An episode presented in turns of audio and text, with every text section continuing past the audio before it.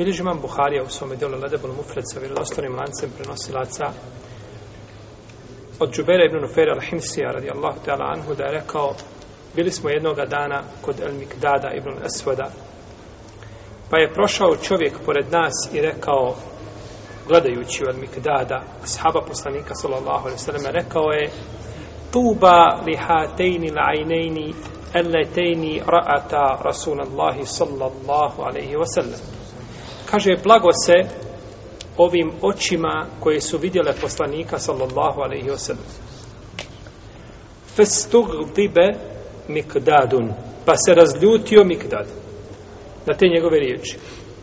Oma kala ređulu illa hajra, a čovjek nije rekao nego lijepe riječi, blago se tim očima koje su vidjele poslanika sallallahu alaihi wasallam, pa se naljutio i rekao, zašto neko od vas priželjkuje mešhed, hal ili stanje, koga ga je Allah poštedio? Otkud znaš da si bio, šta bi bio i gdje bi završio? Koliko je, kaže ljudi, bilo u vrijeme poslanika Salosanem, pa su ga u lažu gonili i nisu prihvatili njegov poziv. I je li najbolji svjedok za to je njegov Amidža, Abu Talib. Nije ga u lažu gonio, ali nije prihvatio šta? Njegov poziv. Zar niste zadovoljni time što znate samo gospodara? Rođen si kao musliman i od malih te nogu neko učio da kažeš la ilaha illallah i niko te nije učio da je sunce Bog ili da je mjesec Bog ili da je drvo Bog ili da je kamen Bog i tako da. Pa znate, gospoda, kaže drugi su vas sačuvali belaja. Drugi su ljudi bili na fitnetima, ne znaju šta je vjera. Došao, pojavio se jedan put čovjek, tvrdi za sebe da je poslanik. Ima nešto novo, razlikuje se od onoga na čemu smo mi bili. Šta je to sada? I to je fitnet, to je bilo iskušenje za ljude. Pa su neki položili ta ispita, neki su na njemu pam. Tebe Allah, a za ođel, nije doveo u tu situaciju. Ti si određenja musliman i ostaješ na tome putu. Pa što onda priželjkuješ takav jedan mešed ili takvu jednu situaciju? Kaže poslanik, poslanik sa u najtežem vremenu, kada su ljudi smatrali da je obožavanje kipova, da je to najbolja stvar koja se može učiniti. Kaže Ibn Alije, poznati tabin, živio je poslanik sa osademe u Mekki deset godina. U strahu. Ha. u strahu je živio. Potom je naređeno mu da učini hijđu iz Mekke u Medinu. Spavali su ashabi sa oružjem. Omrknuli osvanu sa oružjem. Ne smiju nikuda pa su jednog dana upitali Allahu poslaniče, hoće li ikada doći bolje vrijeme? Hoće li se stanje popraviti? Pa je rekao Rasulullah sallallahu alaihi wasallame, neće, kaže, proći kratak vremenski period, a kaže, vi ćete sjediti, kaže, u skupini, u skupini jednoj velikoj sa društvom velikim, a neće, kaže, niko pri vama imati na sebi ništa što je željezno. Ni pancir, ni sablju, ništa nećeš trebati imati pri sebi. Znači, bit će mir, bit će blagostanje, strpite se još malo. Pa je uzvišen Allah te barak je tala objavio Wa'ad Allahu alladhina amanu minkum wa aminu salihat la istakhlifannahum fil ard kama istakhlafa alladhina min qablihim wa la yumakkinan wa la yumakkinanna lahum dinahum alladhi irtada lahum wa la yubaddilannahum min ba'di khawfihim amna ya'budunani la yushrikuna bi shay Allah je obećao onima od vas koji vjeruju koji dobra djela čine da će ih učvrstiti na zemlji učvrstit će ih na zemlji da će im vjeru kojom je on zadovoljan nju je odabrao njima tu vjeru. I da će vam poslije straha sigurnost. Ti ljudi šta, šta su oni činili? Da bi tako nešto dobili? Ja buduneni la jušriku ne više. Obožavaju me i druga mi ne pripisuju. I danas je to učvršćenje na zemlji, to jeste čija će riječ biti dominantna i čija će riječ biti gornja, to je stvar koja je zaposlila sve ljude. Ratovi koji se danas vode i prevare na političkoj sceni i obmane i zavjene, sve se to čini radi ovoga cilja, a to je šta? Čija će riječ biti gornja i ko će biti glavni u svijetu. E zbog toga ljudi, znači, i ratuju i neprijatelju i sve se znači vrti, koplja se lome znači oko toga ko će kazati ja, ja. Za razliku od muslimana, koji kada bi došli da povedu ljude i da povedu čovječanstvo, ne biste vidjeli ni obespravljena, ne biste vidjeli ni gladna, ne biste vidjeli ni žedna, ne biste vidjeli, znači, nepravde koja vlada u svijetu. Jer musliman ima pravila. Ne biste vidjeli da se milijarde tona pšenice bacaju u more da bi se sačuvala cijena tržišna na svjetskom nivou. Milijarde tona završe u moru ribama. To muslimani ne bi nikada uradili, nego bi to podijelili ljudima koji umiru od glada. Jer musliman ima ne pravila kako se obhodi prema, ne znam, prema čovjeku, nego ima pravila kako se obhodi prema životinji. Ha. Kako došlo u hadis kod imama Ahmeda da je poslanik sa osam rekao irkebu hadihi devabe salimeten volate tehidu hakarasi. Kaže, jašte ove životinje jašte životinje dok su zdrave, a nemojte ih uzimati kao stolice. To jeste, nemoj se popeti na životinju i sjediš i razgledaš okolo šta se dešava po pijaci. Jaši, uzjaši životinju i neka te nosi. A kada je stala, nema sjedenja, nema odmaranja na životinji, nego siđi sa njim. Je subhanu. Pa ovakva prava nemaju ljudi danas u svijetu.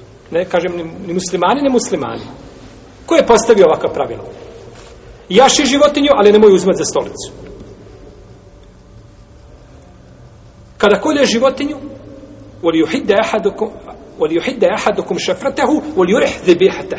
Neka kaže, dobro naoštri britvu, nož, i neka kaže, odmori tako životinju. To jeste da je ne pati, jel? Time je odmori u smislu, jel da je ne pati kada je kolje. I kada je vidio poslanik sa osam čovjeka da oštri nož pre životinjom, kaže, hoćeš dva puta da je ubiješ? Kaže, što nisi naoštrio nož, pa onda došao da je kolješ? Omar radi Allah, udarao čovjeka koji je vidio da, vu, da, da, da vuče za vun ovcu da je kolje. Udarao u štapu. Pravila, pravila koja su u šerijatu poznata. Kada ubijaš životinju, kada je kolješ, Allah je propisao u svemu ihsan, voli dobročinstvo, pa kada neko od vas kolje, neka zakolje na lijep način to životinju. Neka je ne pati. Neka je ne pati.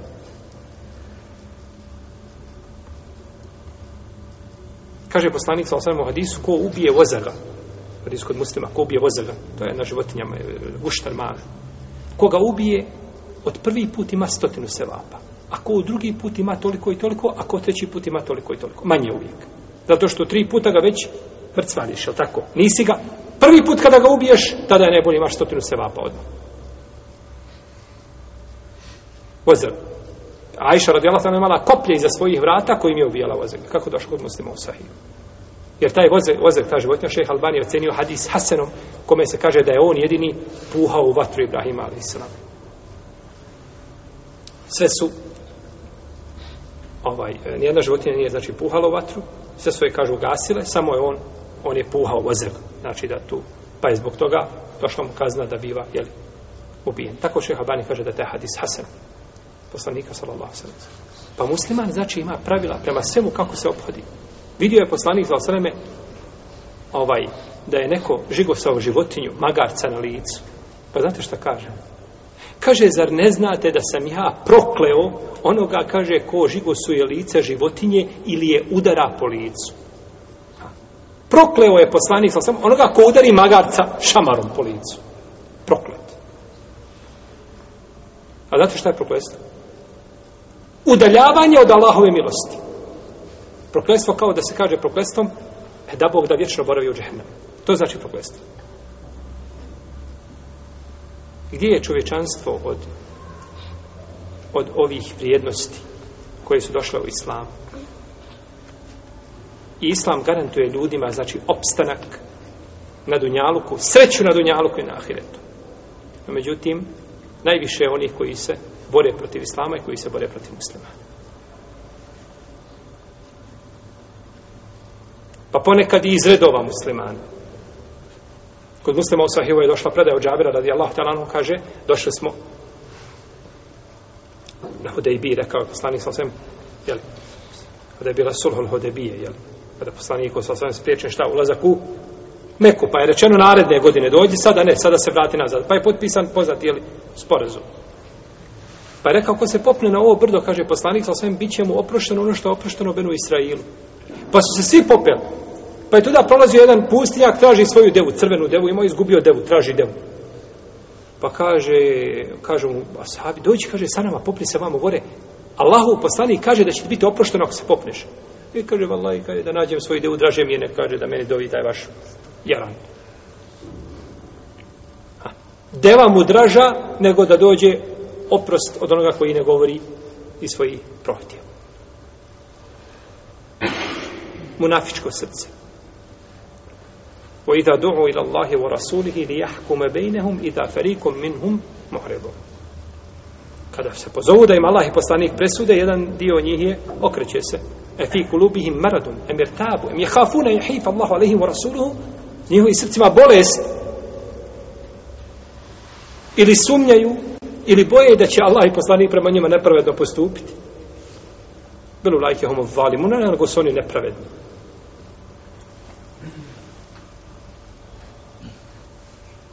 Za razliku da sahaba poslanika, sallallahu alaihi ve sellem. kada su kopali kanal na Hendeku, kaže, Džabir, vidio sam, otišao je ženi, kaže, slušaj, vidio sam nešto na čemu se ne mogu strpiti. Vidio sam glad na licu poslanika, sallallahu alaihi ve sellem, imaš li šta? Ha. Iako moramo kazati da je Džabir isto tako gladan. I da se Džabir isto tako opasao nečim od gladi. Ali to trpi. Ali kada vidi glad na poslanika, sa alaihi više se ne može strpiti. Nego otišao ženi, kaže, imaš li nešto? Kaže, imam jedno malo jare, imam nešto ječman. Pozovi poslanika sa osvrame i pozovi još dvojicu ili trojicu ljudi sa njim. Pa je otišao, kaže Allaho poslaniče, ti i još dvojica ili trojica na ručak, bojrum.